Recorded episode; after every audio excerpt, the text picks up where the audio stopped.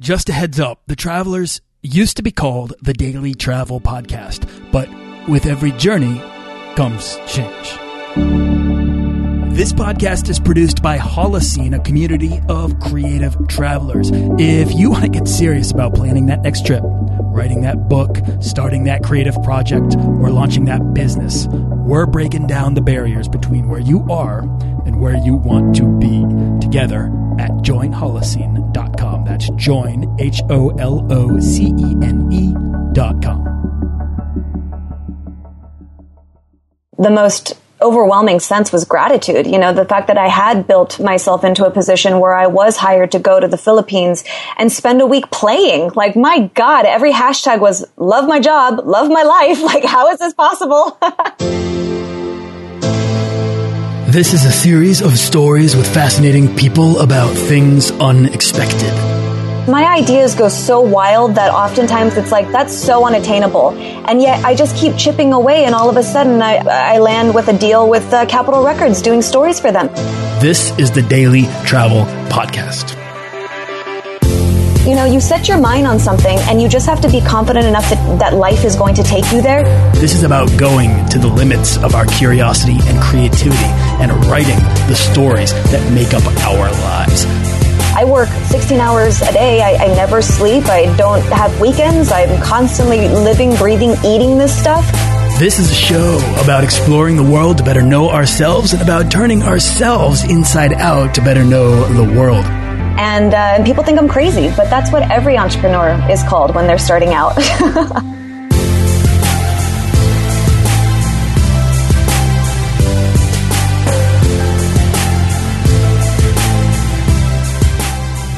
Today, we get to sit down with the founder and editor in chief of Millennial Magazine, a digital publication focused on the potential of the millennial generation as change agents. In its own words, it's Forbes meets Life magazine with a social impact twist.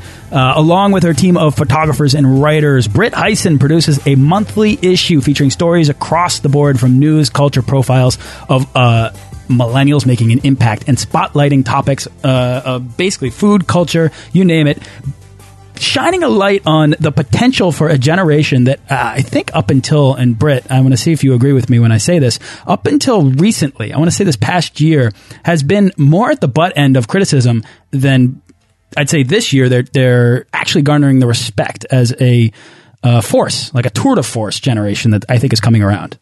Mm-hmm. Yeah, I mean, it's been a few years in the making, but I think finally people are actually recognizing us as, uh, like you said, agents of change, solution makers, and really the people that are moving and shaking this world. I think it's because people like you are highlighting the stories and the examples of people that care, the people that actually want to make a difference.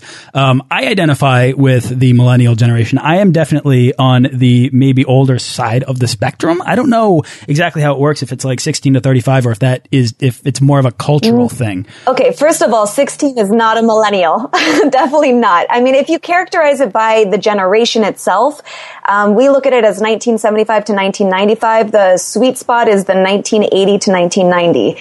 So um, right now, it's about the 25 to 35 year olds. Sweet, I'm in there. Perfect. All right, high am, five. Yeah, eighty-two. But, so let's. So I, I made oh, it. I made it. Yeah, you definitely made it. And you know what's great about the word millennial, and especially as it regards to um, uh, Millennial Magazine, is that we're really trying to open it up as a lifestyle. And we're trying to attract those that are, you know, hardworking, eco-friendly, civically engaged, experience-driven, travelers, um, health-oriented, just really mindful towards humanity. I love that. And travel obviously plays a massive role in this because I think that this generation is going to become the most connected, both digitally but also culturally with the rest of the world. And I think that is, it's sort of inherent, inherently part of the culture, but it's also influencing the decisions, which are the decisions that you're pointing out. Absolutely. And you know what's um, even more fascinating is the fact that Americans don't seem to realize that millennials exist globally. We are a 2.5 billion strong generation. Uh, you know, of course, here in the States, they wow. throw out the number 80 million, mm-hmm. but I just got back from the Philippines where 50% of the population, which is, uh, under 40 and that their population is 100 million. So you're looking at uh, 50 million millennials over there. Wow. All right, that's incredible. Yeah, see, there's the definition of a millennial beyond just the borders in which you live.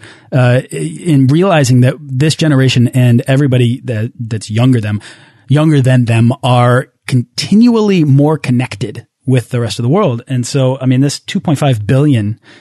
That's a that's a powerful number because people really are in touch with each other. I mean, I have friends in like 30 countries. Yeah, I mean, it's amazing. And just the power of the internet alone to be connected and how Facebook really opened up those channels for us um, is, is really exciting because not only do we get windows into what the world looks like, but it really makes us want to go see it for ourselves. And that's where I say that experience is one of the underlying characteristics of a millennial. And that's regardless of what age you are. If you are more experience driven and you live for you know the the life lessons and the opportunities that come with them um, i think that's definitely um, quintessential millennial mm, to invest your time for the greatest return yeah, absolutely. And I mean, a recent report came out stating that millennials are more interested in experiences than luxury goods. Oh, I love that. I mean, I say on this show all the time stuff owns you and experiences grow you. The fact that you can collect and accumulate things that depreciate in value, or you can spend your money on the things that uh, remain un unencumbered, uh, that don't encumber you, and uh, actually add ongoing value, build your character. Uh, yeah, hands down. And I mean, just with the the rise of Instagram and um, just how we live our lives through these social platforms, people are really looking to take pictures of their friends and, and the experiences that they have and share that with the world. It's you're not really seeing photos of their cars although you know you, those will be sprinkled in there. But you know it's more so about hey i'm in nicaragua this week. You know it's like all these fun things that they're doing. Yeah i love that. All right britt let's step back because i want to get to know you a little bit better and this is my um, excuse to be able to do that. Uh, take us back to where you're from and when did travel begin to enter the picture for you I'm from Los Angeles, born and raised, and I've always had the travel bug. When I was 16, I went to England. Uh, I was by myself and I stayed with some very estranged family. and it was a really interesting experience. I kind of played the au pair um, to my 10 and 12 year old uh, cousins.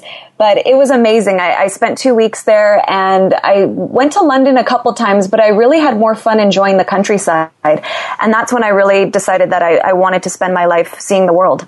What was it about the countryside that really spoke to you? I mean, it's nature. I'm, I'm a huge nature buff as it is, and the, the canopy tree or the, the canopies over the streets were just amazing. I mean, just the, the breathtaking, um, you know, just opulent nature that that the English countryside had to offer was just one of those things where you're like, I can't get this in LA. Mm-hmm. You know, that's the. I mean, it speaks to me. I was six when I, or I rather, I turned six in a castle in England, and um, the some there's something very visceral to me about the sort of rolling green landscape of of the northern England, pretty much. Uh, but you know that that speaks to me in a really deep sort of elemental way. Um, but you know, so that calls to me, and and so I, I'm constantly kind of seeking something like that, whether it's a landscape or a, an experience of some sort. This thing that calls to my imagination. Um, yeah. I mean, for me, landscape is always drawing me. And, you know, when I went to the Philippines recently, like, it was Palawan that was the best part of that trip. Like, sure, Manila was cool and, and it's a very bustling city. I mean, it is just jam packed with people. I couldn't drive more than two miles in less than an hour. That's what everyone this, says. oh my God, it was insane. But the, I mean, the people are just beautiful. But then you go out to Palawan and that's where my heart melted. That's when you see the true, you know, tropics. You see the, the marble, um, cliffs and, and you're like splunking through these marble caves and I'd never seen marble in its true form. And, and then you have this just turquoise water and the white sand beaches and it's just beautiful. Amazing. I mean, standing there, did you ever have this moment of like, what am I doing here? I've, I've built all of this career. And now I've built travel into my life in an interesting, in an interesting way. I mean, that's an opportunity that more often than not is not there unless you put yourself out there. Oh, absolutely. And I think the, um, the most overwhelming sense was gratitude. You know, the fact that I had built myself into a position where I was hired to go to the Philippines and spend a week playing. Like, my God, every hashtag was love my job, love my life. Like, how is this possible? and that's all because you started Millennial Magazine. So step back to 16, you come back from that trip. What's the trajectory of your life uh, in your late teens? Well, I actually became an actor when I was 18. I booked my first audition and I worked two seasons on AMC's Mad Men. And then I worked on a few other productions after that. And I always thought that acting was going to be my opportunity to travel. But to be honest, the, the career that I did have, um, while it was short, it was primarily focused in LA. And, you know, that was something that I, I always thought that maybe it would open up my, my life into travel, but I think I jumped out too quickly because journalism seemed like a much better route. yeah, okay, that's interesting. So what was it about LA and acting that wasn't quite fulfilling for you? Well, I, I, think because I booked my first audition, I got spoiled real quickly. And, you know, once you get into a, a principal role in the politics of acting, like, you don't, it, it, becomes a lot harder to leverage that, especially when you start to audition with girls that have had 10 years on you. So you become the small fish in the big, in the ocean as opposed to the big fish in the pond. And, um, and that started to become wearing and I started to realize that it was very egocentric and, you know, it was just, I was bashing myself for not getting a role when it wasn't even me, it was circumstance. And there's just so many different factors that went into it that I just felt like I wasn't serving humanity in a, in a good way. Like there was nothing that I I was doing that was greater than myself. It was really just about me. And we were at a tipping point in 2010 when the unemployment rate was uh, super high for millennials. And I just realized that I was surrounded by a group of artists that somehow were making a living doing what they loved. And I wanted to tell that story. Mm, interesting. Okay. So what was the opportunity then for you to tell that story? Well, it's funny. I don't know if you know what Burning Man is, but there's a huge there's a huge community here in LA of Burning Man artists, and I somehow found my way into that group and uh, saw you know them building these amazing structures, 30 feet high welded structures, and there were fire performers and there were music uh, DJs and stuff, and and that it was just such a renaissance for me that I decided, you know what, like I don't think a lot of the world really recognizes that this exists, and I wanted to share it, and I went to a conference conference, a TV conference, while I was still kind of an actor. I was like right at the, the end of my acting career, beginning of journalism. And the president of Discovery Channel said, if you're not on YouTube, you're an idiot. So I thought, oh my God, like, why am I not on YouTube? And in 2009, the, you know, Hollywood didn't really look at YouTube as a serious commodity. It was kind of like, oh, you know, you can get some stuff on, on YouTube and then that's an easier way to share your reel. But it wasn't really like you have a career path in YouTube. It could open up a lot of doors for you. So when the president president of Discovery Channel, David Zaslav, said that, I thought, oh my gosh, I need to heed those words and get myself on YouTube. So that was the, the tipping point on me saying, okay, I'm going to pick up a microphone. I'm going to start to interview all these people on camera and I'm going to cut little pieces for them. This sounds so familiar, having heard something extremely similar about podcasting about a year ago. oh, really? Uh, you know, just this idea, not not that everyone should be on it, but that the opportunity is there. I mean, if you look around um, in travel in particular, there are no travel podcasts. They're literally like a, like on one hand, you can count the um, sort of high profile slash active travel podcasts, and maybe on two, all of them. Um, so you're right, though. Podcasts are starting to come up. It is. They're exploding, and the me the medium's becoming mainstream, and the opportunity that exists in podcasting is just growing. But anyways, that's not what we're talking about. The, what I guess what we're talking about is recognizing an opportunity within uh, a technical field and jumping on it, seizing that opportunity. Uh, so you were started to create a web series about the these artists. Yeah, and at the same time, our generation was starting to form an identity. We didn't have any labels on us at that time. It was 2009, 2010, and I think Gen Y had just started to surface. So because I was focusing on people between the ages of 20 to 35, um, I, I did realize that I was starting to focus in on a generation that we were starting to claim an identity and that we were really freaking cool. so I decided to make that my beat, that I was just going to be this millennial reporter and um, and again, that word millennial was very fresh. I think I would say it to people and nobody would have any clue what I was talking about. And I don't know how I came across it, but I ended up taking out the, uh, the URL millennialmagazine.com in 2011 and, uh, and didn't actually use it until 2013. So it was a couple years early. But, um, as I was doing this, I wanted to form a web series, uh, specifically on our generation, talking about who we are, giving us a voice. So that web series quickly turned into a web series called Discover Your Voice. And, uh, I started being hired by different media outlets to produce this segment for them.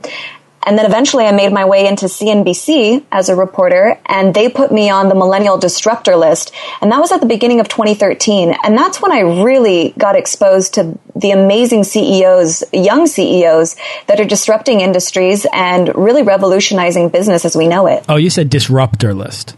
Yes, I heard destructor list. list. oh no, no, disruptor. I was going to ask you what that was. Um, so, Discover Your Voice is a web series that you're putting together uh, for CN- CNBC.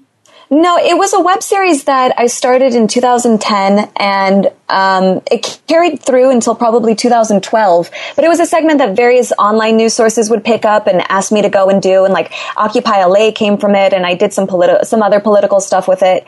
Um, and it was really prior to the election to get people to start talking and, and expressing their opinions but I, that was kind of my way of becoming a journalist and I was just a freelancer and, and I just really honed my craft to the point where CNBC recognized me and, and ended up hiring me um, and gave me an amazing opportunity to see the financial world.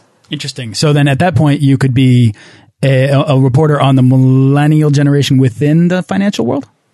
Yeah. So what, what was happening? Yeah, that yeah. I well, I was an assistant, so I was definitely behind the scenes. Although I did start a little web segment um, called the Millennial Report. But the um, going back into CNBC, like because I was an assistant and I was dealing with Hollywood, so one of the reporters I was following or helping out was Julia Boorstin, and she covered social media and entertainment. And because she covered social media, she really did a lot in Silicon Valley. And then the other reporter, Jane, um, blanking on it, Jane Wells. She um, she covered commodities. So between the two of them, I really got a well un- a deeper understanding of who was in the industry. I, I, never was exposed to CEOs or names of CEOs and what company rankings were and what their Dow was, and you know just everything about the stock market. And then to find out that all, a lot of them, you know, a lot of the people that we were doing stories on were between the ages of 25 and 35.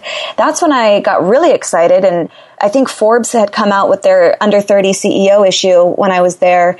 And I thought, why is there only one publication, one issue dedicated to the under 30 CEO? Like, there's got to be a whole magazine that showcases the incredible work that these guys are doing um, and, and tell it as a story of how they're improving life as we know it. I love that. I mean, it, what makes sense to me here is that you saw this, or you were rather exposed to this. Uh, culture that does, that does exist, this opportunity for you to I'm guessing you saw yourself in a lot of these people, and and that would give you the confidence to not just share their stories, but also to start your own thing and actually to embody that change yourself. Yeah, I mean, and because I had been running my own uh, web series and I was a freelancer, I was very entrepreneurial in mindset. And I had actually started a blogging community called Gen Y Hub in 2011. And we were attracting thousands of international bloggers blogging about solutions in their own life. I mean, I had a guy from Nigeria that was talking about finding your own happiness, and somebody from Singapore that was talking about workplace bullying, and somebody from Canada that was talking about the unemployment crisis.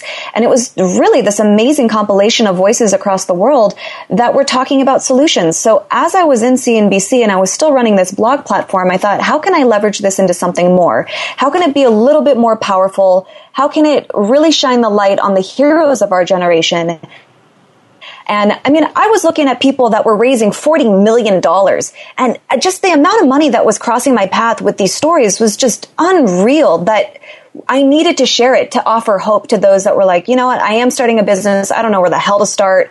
I don't know how to make money. you know, like all of these questions that yeah. come up when you when you get into the startup world. And I wanted to use the the success stories to help them to help guide them. Yeah. Well, has your own success story helped guide both your readers, but also maybe yourself in terms of giving you the confidence that you can put yourself out there and you can be a leader yourself? Oh, absolutely. And I think that the terminology helped even more. And the fact that I even know who some of these players are, it helps when I'm sourcing, um, sourcing resources and, and bringing advisors onto my team. And it, it's really been amazing for opening up doors.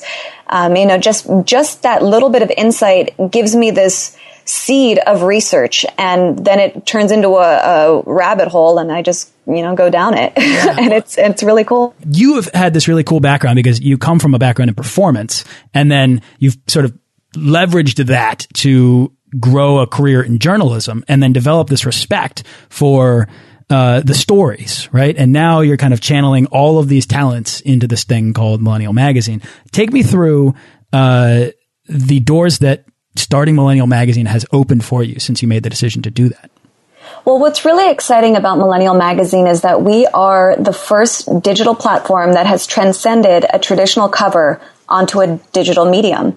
So it's really awesome to leverage the fact that somebody's going to be on the cover of yeah. our magazine when I go into stories. So that in itself has opened up a huge door into the influencer world. And um, the people that I've met through there have been some pretty high profile CEOs, some incredible mentors, and just brands in general want to get behind us. So, you know, I mean, we've interviewed everyone from Yao Ming to Stephanie Horbaczewski, who's the CEO of StyleHaul. She's actually the, the largest, um, she holds the record for the largest female exit in Hollywood at $107 million. And I mean, just learning from her was incredible. I mean, that's, there's a, a catch 22. It's a positive catch 22 in this, um, in, in the stories that I do tell because while I am asking these questions and I'm providing readers with this information, I myself am getting so much information and asking questions that I want to know the answers to. How did you do it? Um, so that's been really cool. But in addition to that, you know, the, the people that I've met uh, are really the heroes of the generation. We are meeting activists who are doing incredible work. Everything from Ocean Ramsey, who's a, a shark conservationist, rides on the fins of great white sharks, to, like I said, Yao Ming, who's a animal advocate, to big business people like Paul Gu, who is trying to consolidate student loan debt, has Peter Thiel as a backer, has Mark Cuban as a backer. Um, and, and it's really exciting to see millennials really taking initiative and going after what they want in life and finding mentors that are there to help them do it. And in, you know, like what's exciting about that as well, in realizing that these mentors have helped them, we opened up a new section on our site called the Mentor Series, where we are going to those who have paved the path for millennials and asking them to tell us their story, how they did it 15, 20 years ago. Love that. Well, let me ask you then, how did you do it? Or rather than go into the nuts and bolts, what I want to know is what was the moment that gave, that convinced you that you could actually take the storytelling that you've been doing for so long and actually build a real business around it? I don't think there was ever a moment. I had this vision probably five years ago when I made that transition into journalism. It all actually started with this seed of I wanted to make a talk show and I wanted it to be really the the core of what Millennial Magazine is today. I wanted to bring in a panel discussion from celebrities that were involved in causes and CEOs that were disrupting industries and activists that were standing up for what they believed was right. And it took a long time to get there. So many diversions, so many different routes, but ultimately my goal was to portray that. And then all of these different things kind of came into play uh, throughout the, the five years, like being hired at CNBC and really being exposed to the CEOs. I mean, that was something that I had just kind of thrown out there, but I didn't really know what it meant in 2010. And then 2013 came around and it was like, oh my God, I'm actually meeting these people face to face and, and understanding what they do and wanting to, to share that story even further. So, you know, everything builds on itself. It's not like it happens overnight. It's not like there was just one moment it's kind of like a compilation of, of moments and experiences that ultimately lead you to the destination. Mm, love that. So, I mean, a lot of people will start a blog, they'll start a web series, they'll start any form of digital media, uh, and they'll put it out there, and it may or may not get listened to. But I think that this idea that there's confidence, to have the confidence really to uh, be able to put it out there as something that I'm going to do to make a change. I'm going to take this seriously. I'm going to invest in it. I'm going to pay writers. I'm going to pay photographers. Yeah. Uh, I'm going to get contributors. Um, that is a big that's a big step. It is a big step. And and to be honest my ideas go so wild that oftentimes it's like that's so unattainable. And yet i just keep chipping away and all of a sudden i, I land up i land with a deal with uh, capitol records doing stories for them. So I mean, it's just like, you know, you set your mind on something and you just have to be confident enough that, that life is going to take you there. You have to actively work. I mean, I work 16 hours a day. I, I never sleep. I don't have weekends. I'm constantly living, breathing, eating this stuff. And, uh, and people think I'm crazy, but that's what every entrepreneur is called when they're starting out. yeah, absolutely. And then you find yourself working in the Philippines uh, shooting shooting an amazing video, having an amazing time telling stories for a client there. I mean, that's really that's really cool, and this opportunity to be able to build travel into your lifestyle through. Uh, a, an expression of yourself, of your history, of your background in a way that hopefully that makes an impact. It looks like it is already. I mean, the White House names you a top 100 digital influencer in online media or travel. Uh, that's a big deal. You get you get recognition, accolades, all this stuff, and you've connected with amazing people. So you have to feel like you're on the right path. Oh, absolutely. And, you know, that was a big reassurance that I am doing something right. Um, yeah. the same time that I got the the email from the White House that I had been recognized as that, which was I thought a scam at the time. Um, I think we all did. yeah, I did not think that was real. But at the at the exact same time, the same week, I kid you not, the Mapua Institute of Technology reached out to us asking for us to do something on studying abroad. Now, at the time that the White House reached out, I had no idea that that's what we were going to the White House to learn about. Oh, that's so funny. Huh. So, so perfect. Like the parallel on that was just, it was almost divine. And when I went into the White House and we learned about how only 1% of college kids are studying abroad, it made my campaign that much stronger and it made my desire to really promote something like that that much greater. Mm. So that, that, was a really well organized event, and it really was sort of uh, a catalyst, at least for me, to really start caring about the value of study abroad, the encouragement of of not. Uh, I'm already telling people to go out and travel and step outside of your comfort zone, but the actual organization and opportunities that exist within study abroad that uh, sort of unlocked my mind to it. Oh, 100%. And to really find out how necessary it is to have global experience, how those employers were up there talking about how they would much rather hire somebody who did have study abroad experience over somebody who didn't, because you need to understand global economic culture and climate. And if you don't have that, that overseas experience, then you're somewhat jaded in understanding only American um, economic standards and, and you don't really know how to work with other cultures. And that was something that was really exciting to be able to go over to Asia, which is only 12.4% of the students that actually do study abroad choose to go to Asia. And more importantly, the Philippines, which is not even on anybody's radar when they go to the Southeast Asia. Like they yeah. go to Thailand, they go to Bali, you know, they, the, Malaysia maybe. And, but otherwise it's, you know, Japan or China and the Philippines often gets left behind. But the Philippines is a major competitive force. They're doing incredible things with um, semiconductors and they're big in manufacturing. They're a huge telecommuting hub. They're, they're actually a major exporting country. Yeah. And even if you're not that's not the thing that interests you. I mean, it's the beaches, it's the culture, it's the food, it's the people, like you said, even in a crowded place like Manila. They're the nicest people in the world. I mean, even if I couldn't communicate with them, they still smiled and tried their best. You know, it was like they were the cutest. And, and to be honest, the, the Philippines is actually the third largest country, a uh, third largest English speaking country in the world. Love that. Wow. Really? Third largest? Yeah. Yeah, because of their population size, they're 100 million. Whew, yeah. All right. So that's impressive. I mean, I love that. The, these things that you pull out by going and uh, experiencing the country the way that you did is fascinating to me uh, because you're not just going there as a traveler, you're going there as an, an engaged uh, person on a mission to tell a story.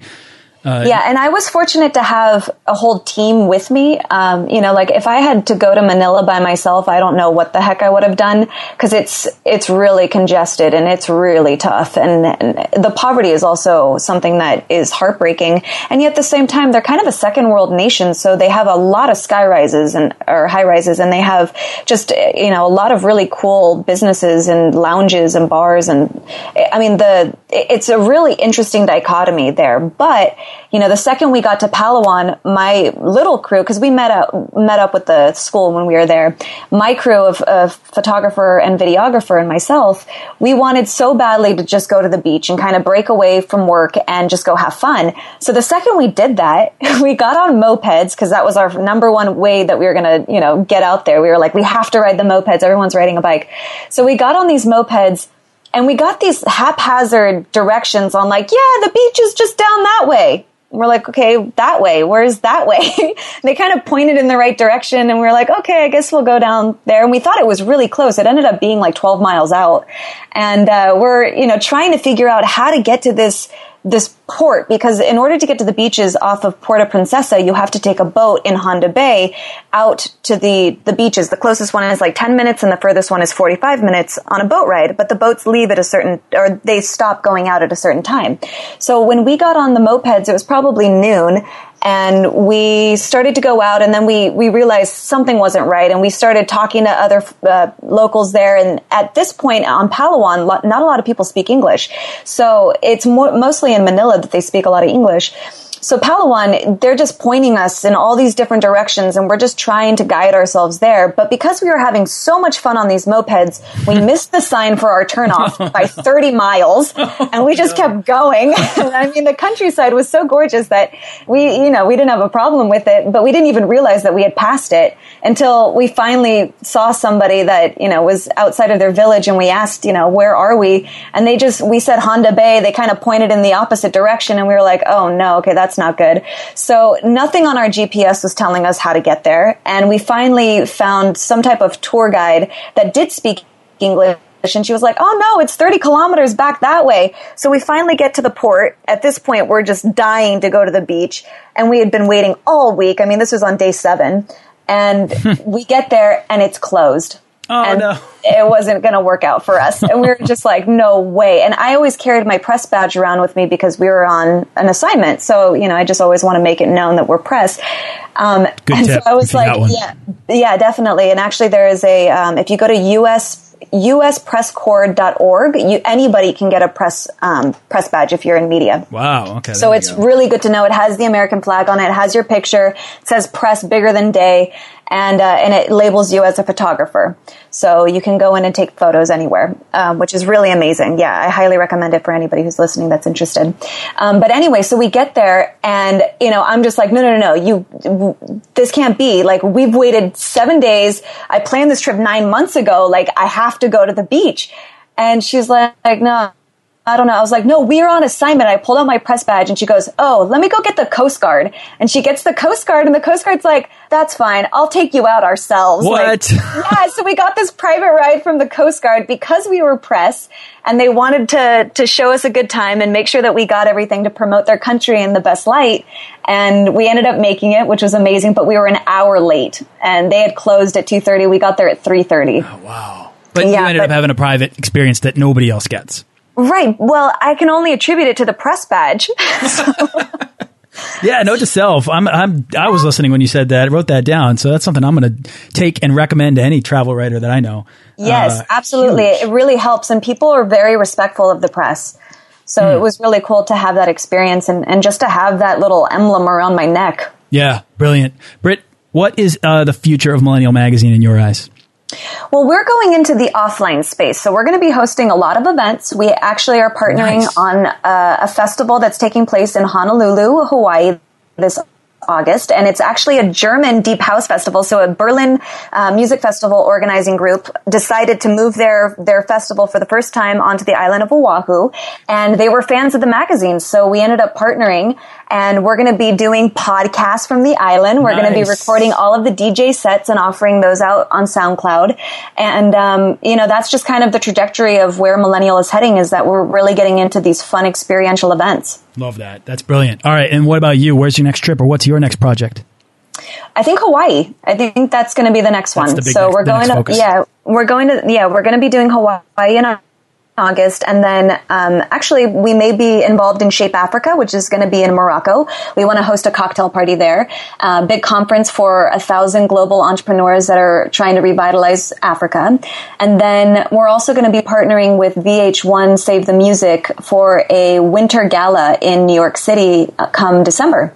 So we're going to be doing a lot of fun things things like that. So Morocco may be the farthest that we go. Yeah, love it though. Put yourself out there, connect with all these people, see where Millennial Magazine goes. It's clearly got a mission and it's off to it. And so are you. Yeah. I love, I love yeah. it. Thanks, thanks so Thank much for coming you. on the show. Absolutely. Is there Absolutely. anything else that you want to share about uh, about the magazine or about yourself before we wrap up?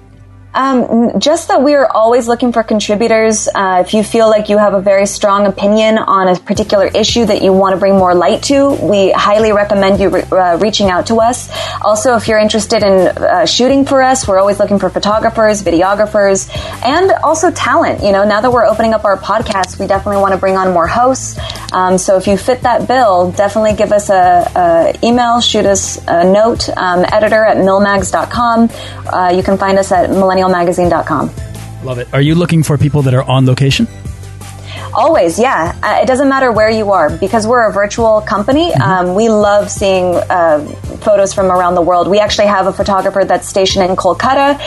We have one in Taipei. We have someone in Nicaragua. We have someone in um, South Africa. So we we love global uh, coverage. Love it. Yeah. So if you're listening and you want to get published, here's an opportunity. Britt, so cool to have you uh, to have the opportunity to bring you on the show, get to know you further, hear your story, and uh, it's an amazing, really driven story. Uh, when I met you, and I told you this already before we started recording, that you have great energy and you have great optimism about the people that you're representing, and it shines and it shows. And I, you know, I, I it's infectious, really. And so I think mm-hmm. you need to mm-hmm. continue to infect the minds uh, of, of this country and the world by uh, doing the work that you're doing. Thank you. I really appreciate it.